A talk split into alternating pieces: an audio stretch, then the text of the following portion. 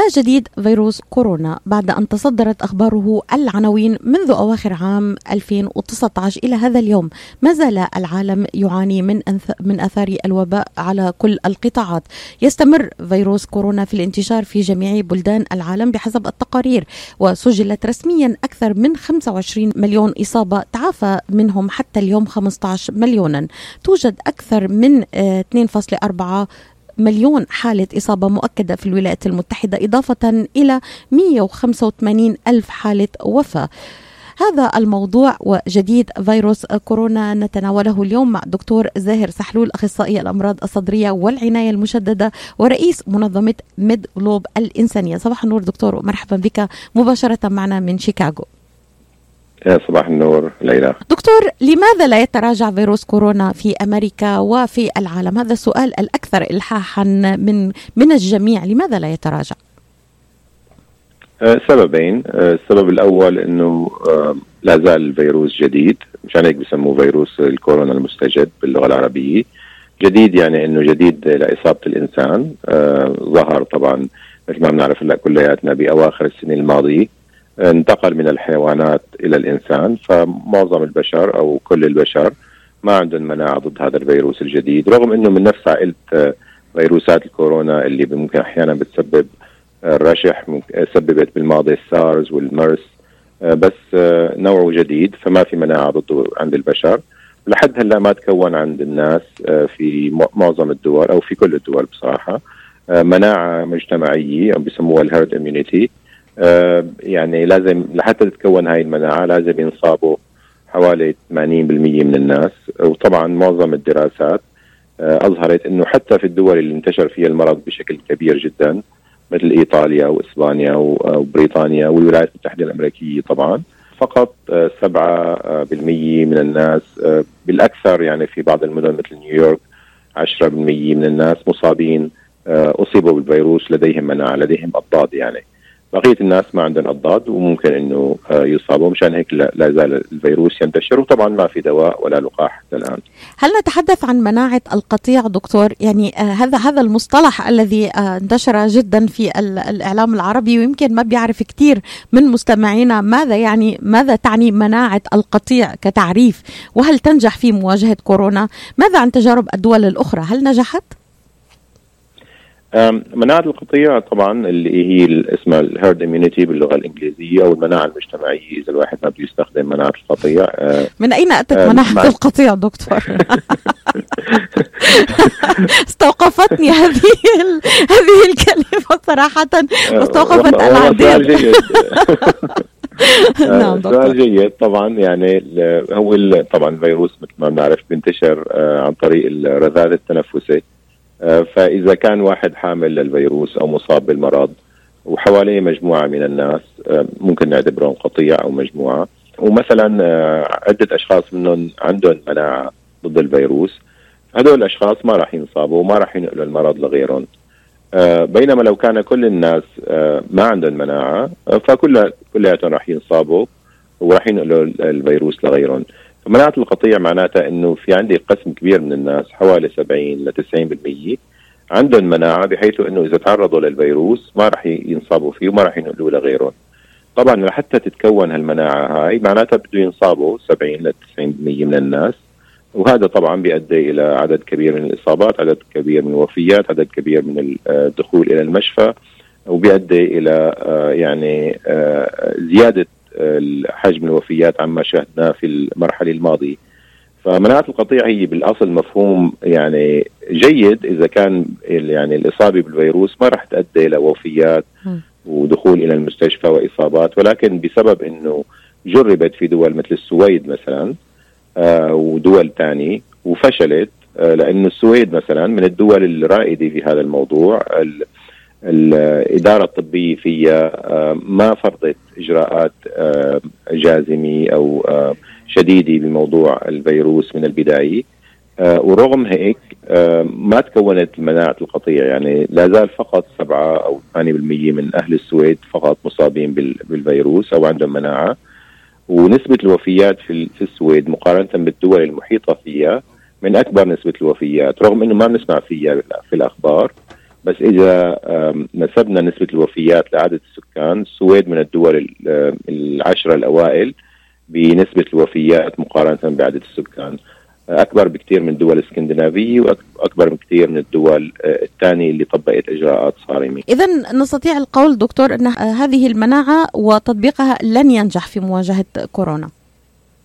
نعم معظم الخبراء بناء على هاي التجربة وبناء على يعني الدراسات اللي أظهرت إنه حتى نصل إلى مناعة القطيع لازم يصاب عدد كبير من الناس وممكن يؤدي هذا الموضوع إلى زيادة نسبة الوفيات. بيقولوا إنه موضوع يعني مناعة القطيع لازم نقيمه من بالنا آه، ولازم نتخذ إجراءات ثانية اللي هي صرنا كلياتنا بنعرفها مشان نمنع انتشار المرض مثل ما آه، يعني عملته دول مختلفة ونجحت فيه سواء بعض الدول العربية يعني ممكن نستغرب إنه نعرف إنه هلأ مثلا المملكة العربية السعودية الإمارات من الدول الناجحة جدا في موضوع الإجراءات رغم إنه كان في عندهم عدد كبير من الإصابات ولكن نسبة الوفيات أقل آه، اتخذوا إجراءات صارمة.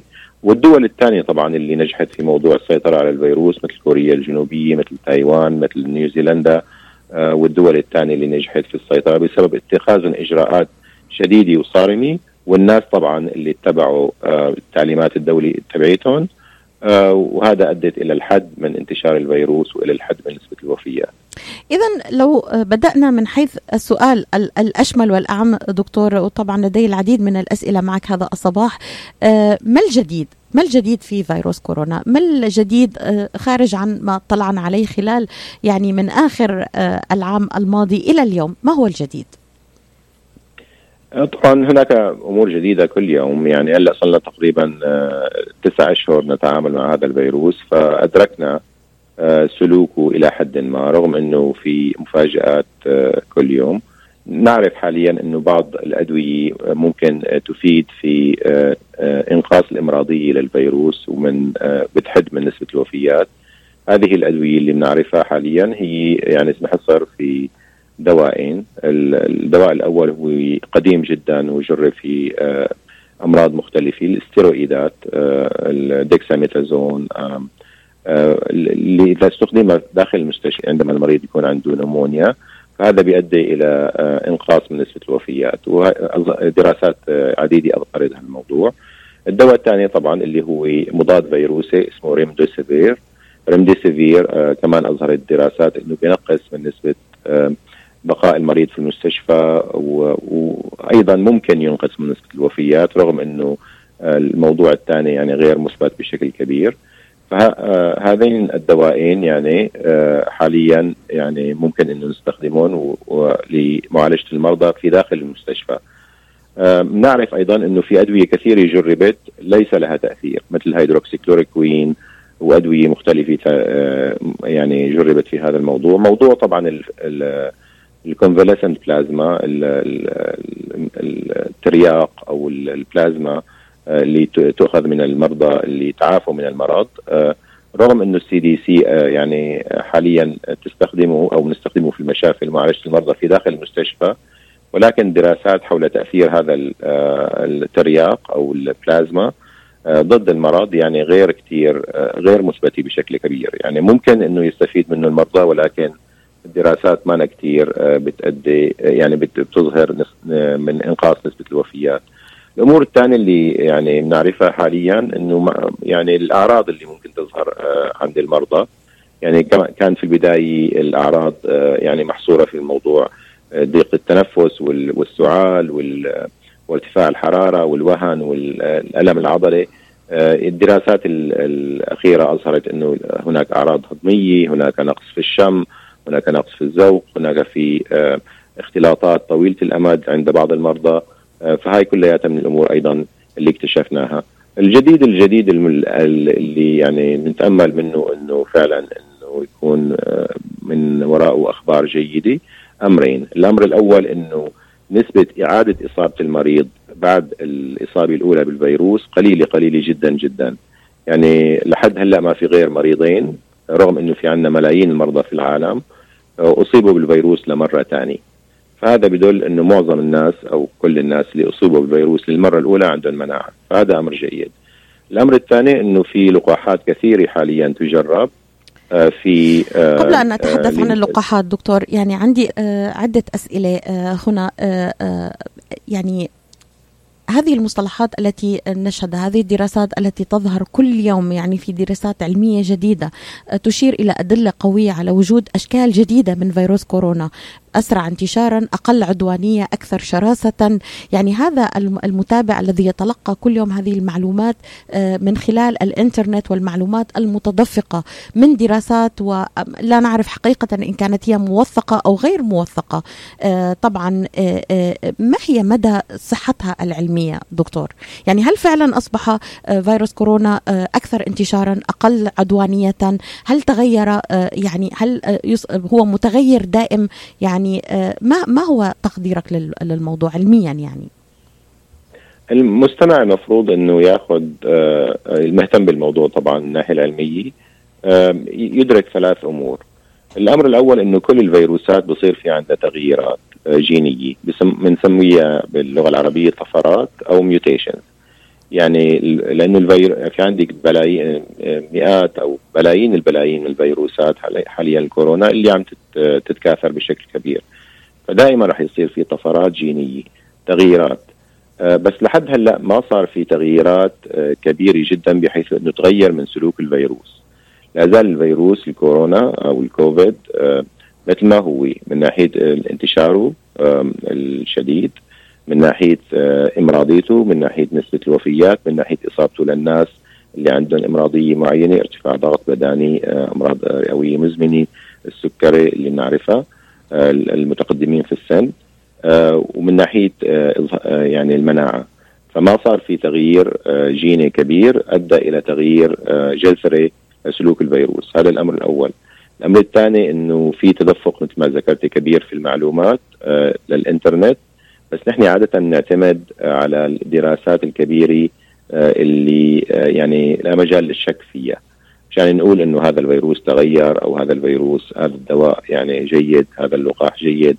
فما بنعتمد عادة في في الطب أو في العلم بشكل عام على دراسة وحدة ظهرت مثلا في مكان ما أو على طبيب آه، طلع من الكونغو وحكى بنظرية ما أو على طبيبة طلعت في أستراليا وذكرت أمر معين. آه، بنعتمد عادة على دراسات كبيرة على آلاف من الناس بحيث إنه لا يكون في مجال للشك. الأمر الثالث اللي الحقيقة بيفرق هذا الفيروس عن ال pandemic الجوائح المختلفة إنه الحجم أو كم المعلومات الهائل عن طريق الإنترنت اللي أدت إلى تخ... يعني الناس إنه ما عاد تعرف شو هو الحقيقة وشو هو الخيال شو هو العلم وشو هو ال fake news مثل ما بنعرف مثل ما صرنا نعرف بهالموضوع. فالمفروض إنه الناس يعني تتوخى من منين تأخذ المعلومات وتأخذ المعلومات فقط من المصادر الطبية الموثوقة والمصادر العلمية الموثوقة. ما كل طبيب عنده شهادة طب معناته هو مصدر للمعلومات الموثوقة آه، في موضوع آه، فيروس الكورونا وغير الكورونا. يعني مع الأسف دكتور أيضا هناك دائما آه، حضور لنظرية المؤامرة حتى لو كان الطبيب له مصداقية. يعني خليني أخذ من نموذج دكتور فاوتشي. يعني هناك العديد من يشكك في بعض تصريحاته. يعني كيف ممكن حضرتك أن توجه المستمع؟ نحن دائما يعني قسم من ما آه، من برامجنا هي توعوية وتربوية وأيضا توجيهية. كيف توجه المستمع؟ يعني هل هل هل نظرية المؤامرة حاضرة في موضوع كورونا في بعض التصريحات لكبار الأطباء وربما المؤسسات الطبية الكبيرة في الولايات المتحدة الأمريكية. للأسف موضوع المؤامرة وفيروس كورونا موضوع يعني مهم جدا وحاضر. أنا كتبت مقال حول هذا الموضوع اسمه الكورونا والمؤامرة. أه وذكرت في النظريات المختلفة المتداولة بين الناس في صفحات التواصل الاجتماعي حول موضوع الفيروس. من ضمنها إنه الفيروس هو صمم من الصين للقضاء على أمريكا أو صمم من السي آي اي للقضاء على الصين أو صمم من إسرائيل أو إنه ايفن دكتور فاوشي نفسه أو له علاقة في تصميم الفيروس وما إلى ذلك من المؤامرات اللي ريا والناس مقتنعين فيها بشكل كبير. صحيح. إذا ناقشتيهم يعني بيجيبوا لك أدلة وبيجيبوا لك آه، يوتيوب بيجيبوا لك آه، آه، دلائل وما إلى ذلك. طبعا المؤامرة هي تبسيط لموضوع معقد. يعني ليش الناس بتؤمن بالمؤامرات بشكل كبير؟ لأنهم بدهم شيء يطمنهم إنه هذا الموضوع هاي الجائحة الكبيرة أكبر منا بكثير بده شيء أنا أفهمه أو يعني اؤمن فيه وبيبسط الأمور بالنسبة إليه وأيضا ممكن تؤدي إلى تأثيرات سلبية جدا لانها بتخلي الناس ما تأخذ الإجراءات الوقائية اللازمة لأنه عادة المؤامرة بتكون أكبر مني فأنا ما فيني أعمل أي شيء. هذا خطورة المؤامرة. طبعا موضوع إنه الدكتور فاوشي أخطأ في بعض الأمور. كل الأطباء وكل المصادر الطبية ممكن تخطئ وممكن تتراجع عن خطأ ممكن تقول شغلي اليوم وبعد ست أشهر تظهر أمور جديدة فتغيرها. فسواء كان دكتور فاوشي أو غير فاوشي يعني هاي الأمور يعني طبيعية. بشكل عام دكتور فاوشي هو من من أكثر المصادر الطبية في أمريكا وفي العالم موثوقية ومصداقية. وقت بيحكي بيحكي شيء قائم على الدليل. آه، الموضوع يعني ذكر المعلومات القائمة على الدليل موضوع مهم جدا في آه، طبعا في الطب في العلم في ديننا. ما فيني الواحد يحكي هيك شغلات آه، خرافية أو من هواء أو يعني من من مصادر غير موثوقة. للأسف بسبب التسييس الموضوع في الولايات المتحدة الأمريكية وفي دول ثانية تسييس موضوع الكورونا دكتور فاوشي هلا تحت هجمة كبيرة من ترامب administration ومن الناس اللي هن مشجعين لترامب آه، آه، لنزع المصداقية عنه. بس أنا برأيي هو من أكثر المصادر الطبية موثوقية في العالم. لا ما رأيي فقط أنا وإنما راي 99% من الأطباء اللي اللي عادة بياخذوا من الأمور العلمية والأمور القائمة على الدليل. دكتور بالعودة إلى اللقاح وكل يوم نسمع لقاح صيني روسي أمريكي بريطاني آه، أسترالي يعني نظريات كثيرة عن اللقاحات مدى فعاليتها في السيطرة على الوباء من عدمه. ما الجديد والصحيح في موضوع اللقاحات؟ يعني ما هو الصحيح الذي نعتمد عليه آه، من مصدر موثوق آه، حضرتك اليوم دكتور زحلول سؤال مهم جدا. آه، يعني كمان هناك ثلاث أمور المستمع لازم ياخذها من موضوع اللقاحات أول شيء موضوع اللقاح طبعا مهم جدا وهو بيؤدي إلى مناعة مجتمعية أو مناعة القطيع إذا لقح قسم كبير من الناس. ساعتها إذا انتشر الفيروس الناس الملقحين اللي عندهم المناعة ما راح يصابوا بالمرض. بس لحتى نوصل لهالمرحلة هاي اللي هي تقريبا 70 أو 80% من الناس لازم يلقحوا راح ياخذ وقت كثير يعني في هلا عندنا مثل هذا المفهوم إنه اللقاح جاي إيه خلص بنرجع بنعيش الحياة اللي كنا نعيشها بنروح على الأعراس ما بنلبس كمامات ما في داعي للاختلاط الاجتماعي لأنه في لقاح. فهذا المفهوم بحد ذاته مفهوم خاطئ وممكن يؤدي إلى إصابة عدد كبير من الناس وموتهم. آه، فاللقاح رح يجي آه، إن شاء الله خلال عدة أشهر وممكن إنه يكون يعني متاح مع نهاية هذا العام. من مصادر مختلفة آه، بس حتى ولو يعني ظهر اللقاح وأثبت رح ياخذ وقت كثير لحتى نلقح 70 أو 80% من الناس في أمريكا. رح ياخذ أكثر يعني من دكتور لو ظهر أربع خمس لقاحات ما هو المعيار الذي آه، آه، في ظل نظريات المؤامرة الكثيرة أيضا حول اللقاحات الذي نعتمد عليه في أننا يجب أن نأخذ هذا اللقاح؟ أنا لحد الآن استمعت لأكثر من شخص يعني شو بدي أقول لك بالمئات إنه أنا مالي حأخذ هذا اللقاح إذا طلع. أنا ما مستعد يجربوا علي هذا اللقاح. ممكن يكون غير آمن. طب ما هو المعيار الذي تراه صحيح في هذا الاختيار؟ الدراسات اللي تج... يعني تجرى على اللقاحات آه، مثل ما هلا صرنا نعرف كلياتنا بعتقد إنه في عندك phase 1 phase 2 phase 3 المرحلة الأولى المرحلة الثانية المرحلة الثالثة أو دراسات اللقاحات. في 28 لقاح حاليا يجربوا آه، سبعة بالمرحلة الأولى 12 بالمرحلة الثانية سبعة بالمرحلة الثالثة.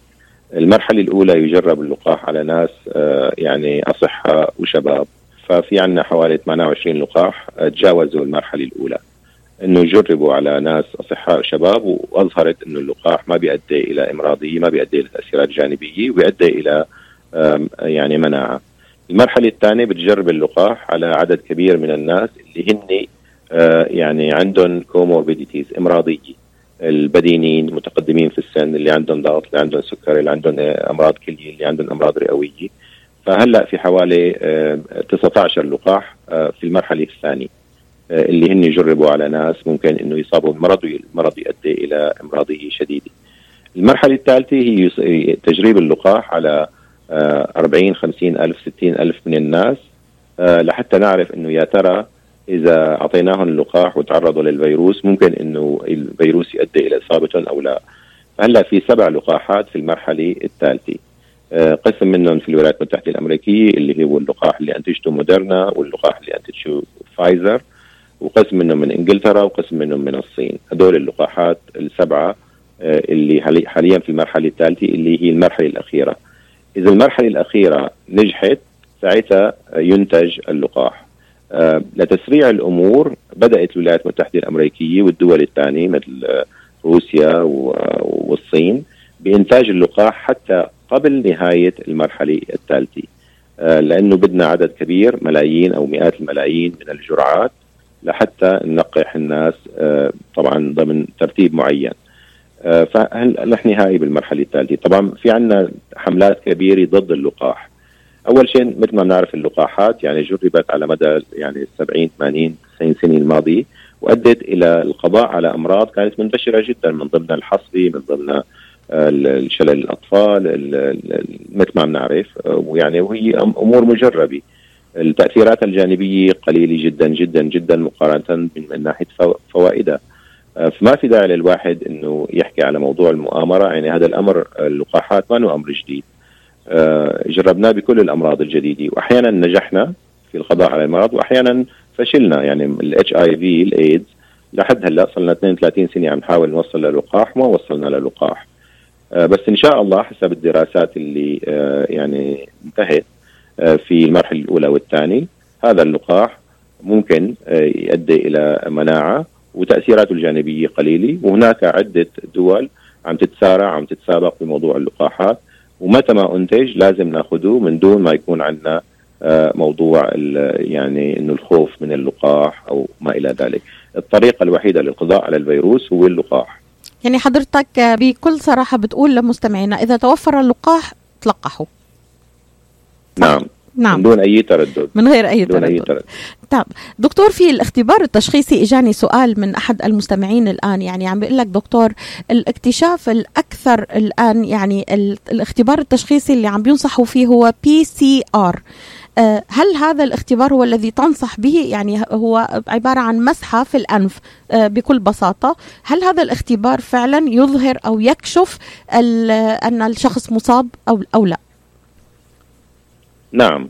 آه هذا حاليا هو الشائع اعتبار اللي هو مسحه انفيه من البلعوم الأنفي أو حاليا آه في يعني آه اختبارات أسهل عن طريق آه اللعاب اللعاب نفسه بدل ما تكون المسحه عن طريق الأنف عن طريق الفم اللي هي أسهل. فهذا بي بي بيكشفنا ال PCR إنه هناك فيروس الكورونا المستجد في البلعوم الأنفي أو في الفم. ما بيدل على إنه هذا هذا الإنسان مصاب بالمرض بدل على انه هذا الإنسان عنده الفيروس. آه، مثل ما صرنا نعرف هلأ إنه 30 أو 40% آه، من الناس الحاملين للفيروس ليس لديهم أعراض. يعني ممكن نكون آه، عملنا PCR عن شخص وطلع إيجابي يعني ال PCR إيجابي إنه في عنده فيروس بس ما عنده أعراض. هذا فهذا الشخص ممكن ينقل المرض لغيره من دون ما يكون عنده أعراض. عشان هيك الإجراءات الوقائية تطبق على كل الناس بغض النظر عن النظر عن إنه الإنسان عنده أعراض أو ما عنده أعراض. لأنه حامل الفيروس وأحيانا ممكن يكون ما يكون عنده أعراض. طبعا الإمراضية أو الناس اللي حامل للفيروس ال PCR اللي عندها إيجابي عندهم فترة اللي هي 10 أيام ثلاث أيام قبل ظهور الأعراض وسبع أيام بعد ظهور الأعراض اللي هن ممكن ينشروا المرض بشكل كبير جدا.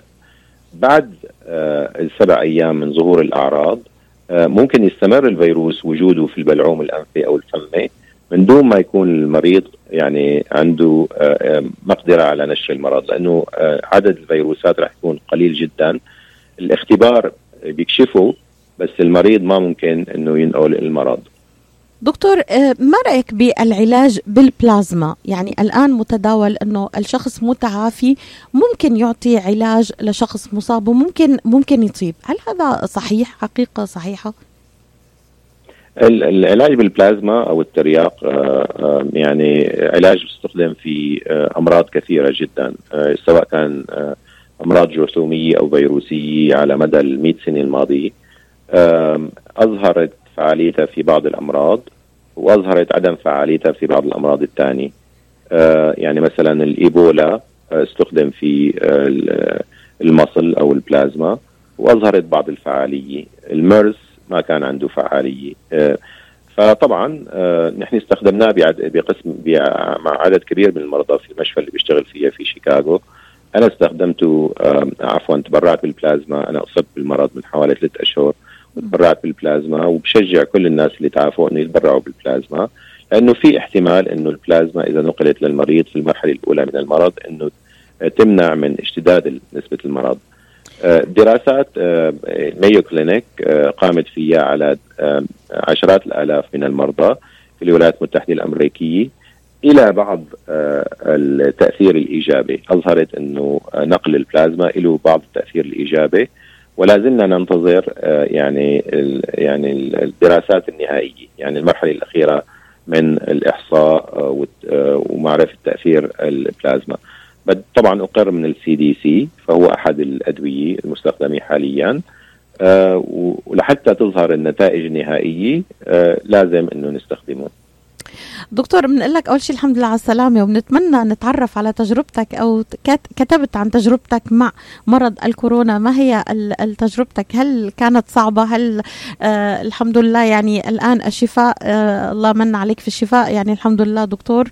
آه نتمنى كمان نتعرف على تجربتك. آه الكثير منا يمكن آه تابع إعلاميين ومشاهير وأطباء أصيبوا بهذا المرض وتابعوا تجربتهم وال والذي مر منه. يعني حتى نستخلص أننا هذا المرض لا لا يجب أن نستهون فيه وإجراءات السلامة كما أشرت حضرتك التي يعني لم يتح لي الوقت للتطرق ما زال لدي الكثير من الأسئلة. لكن أعرف وقت حضرتك يمكن دقيق دكتور. هل ستبدأ عيادتك الآن أم نستطيع أن نكمل لعشر دقائق؟ يعني معك. ممكن ممكن نكمل نعم. دقائق نعم دكتور نعم. يعني خليني خليني قبل ما نختم بإجراءات الوقاية والتذكير فيها أود أن أتطرق إلى يعني موضوعين مهمين اللي هو فتح المدارس وأبنائنا الآن وإعادة فتح المدارس اليوم تناولت عدة تقارير في الجامعات أن ارتفاع نسبة الإصابات بين الطلبة طبعا كان السبب الرئيسي هو عدم التزام التباعد الاجتماعي والابتداء الكمامات والنظافة وما إلى ذلك. هذا الموضوع أيضا سيكون صعب جدا على الأطفال الصغار في مراحل عمرية صغيرة. لكن ما هو الأخطر؟ أن نبقي أولادنا على التعليم عن بعد أو أن نعيدهم إلى المدارس؟ يعني هذا الموضوع مثار جدل الآن في كل العالم ليس فقط في الولايات المتحدة الأمريكية. سؤال مهم جدا طبعا بسبب إنه هلأ يعني فصل المدارس. كل العائلات اللي عندهم أطفال يعني عم يمروا بهالمرحلة هاي اتخاذ القرار. في دول طبعا طبقت موضوع فتح المدارس ونجحت فيه. الدول الإسكندنافية النرويج الدنمارك أستراليا الدول الثانية. وكان يعني فتح المدارس ما ما أدى إلى انتشار المرض، طبعا اللي بنخاف منه من فتح المدارس إنه راح يصير في انتشار المرض بين الطلبة وممكن ينقلوا المرض للمعلمات والمعلمين وممكن ينقلوا المرض لأهلهم. بس يعني بنفس الوقت عدم فتح المدارس له تأثيرات مجتمعية وتأثيرات على الأطفال خاصة الأطفال الفقراء اللي ما راح ياخذوا الوجبة أو الوجبتين في المدارس وما راح يكون في عندهم يعني تعليم بشكل جيد وما عندهم قدرة على إنه يكون عندهم توترز ومعلمين خاصين. هذا بيؤدي إلى تأثيرات أيضا سيئة جدا. الدراسات طبعا أظهرت إنه الأطفال قدرتهم على نشر المرض قليلة. مقارنة بالكبار. إصابة الأطفال مقارنة بالكبار أيضا قليلة جدا أقل من 2% من الناس اللي انصابوا في الولايات المتحدة الأمريكية هن تحت سن العشرة. الأطفال اللي هن تحت سن العشرة انتشار المرض بينات بين بعضهم قليل جدا أيضا. فهاي من الأمور المطمئنة. طبعا وقت انفتحت المدارس في بعض الدول أدت إلى يعني زيادة نسبة انتشار المرض بمناطق قليلة جدا. وطالما المدارس تلتزم بالتعليمات الوقائية اللي هي الابتعاد الاجتماعي لبس الكمامات غسل الأيدي الأيدي بشكل متكرر استخدام ال disinfectant المنظفات القدرة على الاختبار testing وال contact tracing لحتى نعرف إنه هذا الطفل اللي أصيب مين مين كان متعرض معه للإصابة لحتى يصير عندهم حجر أو quarantine وأيضا إنه فحص كل الناس اللي بيدخلوا على المدارس بشكل يومي على فحص حرارة يعني. فإذا طبقت هاي الأمور الوقائية إن شاء الله ما يكون في مشاكل كبيرة. وطبعا بشرط إنه يكون في في المنطقة اللي فيها المدارس نسبة الإصابات قليلة نسبيا. يعني نسبة ال positivity ال positive test أقل من 8% نسبة الناس المصابين أقل من 100 من كل 100 ألف من عدد السكان. فلازم يكون في عندك شروط لفتح المدارس في كل منطقة ولازم يكون في عندك إجراءات وقائية في كل مدرسة ولازم يكون عندك قدرة على الاختبار وال contact tracing بحيث إذا انتشر المرض أو أصيب بعض الناس نعرف شو بدنا نعمل. فإذا توفرت هاي الثلاث شروط آه، ما في مشاكل من فتح المدارس. يعني لو طبقنا ذلك في الولايات المتحدة الأمريكية لأنه في عنا نظام تعليمي آه، يعني ممكن أن يكون عن بعد مساعد دكتور. أيضا هذا الموضوع يعني آه، مناط بأن التوفر الإمكانيات كما أشرت هناك تقرير كبير لا مجال لذكره الآن من الإيكونومست عن الدول الفقيرة التي تعاني ما تعاني الآن من وجود طلبة خارج المدارس. لكن لو حصرت سؤالي في الولايات المتحدة الأمريكية إذا أنت مع فتح إعادة فتح المدارس وإعادة الطلبة إلى الصفوف مع توخي إجراءات السلامة العامة. هل هل يمكن للطفل كمان دكتور أن يكون ناقل للمرض من غير ما يكون في أعراض له؟ طبعا. آه، ممكن يكون ناقل للمرض ولو إنه احتمال نقل المرض من الطفل إلى الكبير إذا كان طفل تحت سن العشرة أقل. آه، بس ممكن إنه ينقل المرض. آه، الأطفال اللي هن بال middle school وال high school ممكن ينقلوا المرض مثلهم مثل الكبار. آه، فإذا كان آه، يعني الطفل ظهر عنه أعراض فلازم طبعا تتخذ الاحتياطات اللازمة مشان ما ينقل المرض لعائلته. لأنه الأطفال بشكل عام يعني والشباب إذا أصيبوا بالمرض المرض راح يكون خفيف جدا مثل ما يعني لاحظنا وما راح يؤدي إلى الوفيات يعني يعني فهذه شغلة جيدة طبعا. وراح يكون عندهم أعراض خفيفة جدا. بس إذا نقلوا المرض فرضا لستهم أو لجدهم اللي هن متقدمين من السن أو مثلا لأحد المعلمات أو المعلمين اللي هن عندهم آه، إمراضية مثلا بداني أو ارتفاع ضغط أو سكري وأصيب هذا المعلم أو المعلمة بالمرض فهذا ممكن يكون المرض شديد جدا. آه، فالاحتياطات لازم تتخذ مثل ما ذكرنا. والقدرة على الاختبار والقدرة على ال contact tracing حتى نعرف إنه هذا الطفل اللي ظهرت عنده الأعراض مين كان متعرض آه، معه للفيروس مشان إنه يصير عنده حجر صحي. واتخاذ الإجراءات اللازمة. طبعا أنا بدي أعتذر من كل اللي عم بيتصل معنا متأسفة جدا. الموضوع هام جدا والدقائق ثمينة مع الدكتور زاهر سحلول. يعني آه يعني خصص لنا هذه المساحة من الوقت. نشكره جدا جدا. ولذلك أحاول ان استغلها في ما يفيد مستمعينا من توجيه الأسئلة بشكل سريع. دكتور يعني يعني حضرتك ملخص القول أن أنك مع إعادة فتح المدارس وعودة الطلبة نعم. إلى الجامعات والمدارس مع توخي إجراءات السلامة هذا أقل ضررا من الناحية النفسية على الطلبة خاصة في أعمار صغيرة يعني بنحبسهم بالبيت صحيح؟ النفسية والتعليمية, والتعليمية. أيضا لأنه الدراسات عن بعد يعني ما أنا فعالة مثل التدريس في المدارس يعني دكتور يعني يبقى سؤالي الأخير في آه، أربع خمس دقائق فقط آه، آه، الآن يقال أن الشتاء في أمريكا الولايات المتحدة قد تواجه أقصى شتاء في تاريخها الحديث بسبب وباء كورونا. ما مدى صحة هذا الكلام؟ وهل أنه نتلقح للإنفلونزا ممكن يخفف إصابتنا بكورونا؟ يعني عدة طبعا في بعض المعلومات الصحيحة وفي السؤال وبعض المعلومات اللي ما لها أساس علمي. طبعا هو يعني أظهرت أيضا هلأ تجربتنا مع الفيروس إنه الفيروس ليس فيروسا فصليا آه، معظم الفيروسات بتنتشر بشكل أكبر آه، خلال فصل الشتاء وبتخف بالصيف مثل مثلا فيروسات الإنفلونزا والرشح. آه، يعني هي فيك نيوز دكتور؟ هي فيك نيوز ما فيك نيوز إنما يعني بالبداية كان معظم بصراحة بما فيهم دكتور فاوشي وغيره كانوا يظنوا إنه الفيروس راح يخف مع ارتفاع آه، الحرارة في الصيف لأنه الحرارة بشكل عام بتثبط الفيروسات أو بتقتل الفيروسات. آه، بس طبعا تجربتنا مع الفيروس أظهرت إنه هذا الأمر غير صحيح. يعني حتى الدول الاستوائية صار فيها انتشار للفيروس. آه الأمر الثاني إنه الشتاء بشكل عام الناس بتكون داخل المنازل آه ما بتطلع للهواء الطلق آه بسبب البرد. نسبة الرطوبة داخل المنازل بتكون منخفضة. آه، نسبة المناعة بتكون منخفضة بسبب ما في تعرض للشمس الفيتامين دي بيكون منخفض عند الجسم فهي بتؤدي كلياتها إلى تفاقم انتشار الفيروسات. المختلفة وممكن إنه هذا يؤدي الأمر لزيادة نسبة انتشار فيروس الكورونا بسبب إنه معظمنا راح نكون داخل بيوت وراح يكون في الاختلاط في داخل الأعمال في داخل المدارس المعامل وما إلى ذلك والذهاب خارج المنزل راح يكون خفيف ومناعتنا راح تكون أقل. آه، بس يعني كمان اللي أظهرته التجربه إنه ما في فرق بين الدول الباردة والدول الاستوائية. موضوع اللقاح الإنفلونزا بيوقي من مرض الإنفلونزا من فيروس الإنفلونزا بس ما بيوقي من آه، فيروس الكورونا. فأنا بنصح إنه نستخدم يعني لقاح الإنفلونزا بس إذا ظهر إذا أنتج آه، لقاح الكورونا لازم أيضا نأخذه لأنه لقاح الإنفلونزا ما له علاقة بفيروس كورونا. اذا فيروسين مختلفين تماما.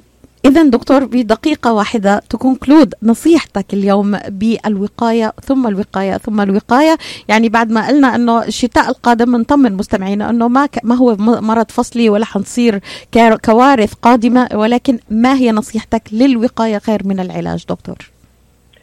الوقاية هي استخدام الكمامات غسل الأيادي الابتعاد الاجتماعي الحجر للمتعرض والعزل للمصاب يعني هاي صارت هلا المفروض إنه الوصايا الخمسة دكتور. الوصايا الخمسة. الوصايا الخمسة. وأنا للأسف يعني لاحظت خاصة بين المجتمعات العربية في أمريكا انتشار للفيروس بالمرحلة الماضية بسبب تراخينا إنه بسبب إنه في انتشار للفيروس ضمن الأعراس والعزايم اللي عم نعملها والناس عم تروح من دون ما يلبسوا ماسكات. هذا هو موضوع القادم. دكتور نعم هذا هو الموضوع القادم. أتمنى أن تخصص لنا وقت وأنا يعني على الهواء عم بطلب منك وقت للجاليات العربية والأمريكية والاحتفالات الاجتماعية ومدى قد إيه ساهمت في انتشار المرض دكتور في أمريكا وفي العالم العربي. وأيضا نتحدث عن المناعة في رجاء خاص أن تتحدث عن تقوية المناعة. دكتور أشكرك. دكتور زاهر سحلول أخصائي الأمراض الصدرية والعناية المشددة ورئيس منظمة ميد جلوب الإنساني على هذه المعلومات القيمة جدا وجدا وجدا. أشكرك جزيل. الشكر كنت معنا مباشرة من شيكاغو وأشكر كل من تابعني كل من تواصل معنا. أعتذر عن آه، آه، عدم مقدرتي أن أستقبل مكالمات هذا اليوم. إلى اللقاء. هذه الليلة الحسيني. تحييكم. شكرا جزيلا لك دكتور زاهر.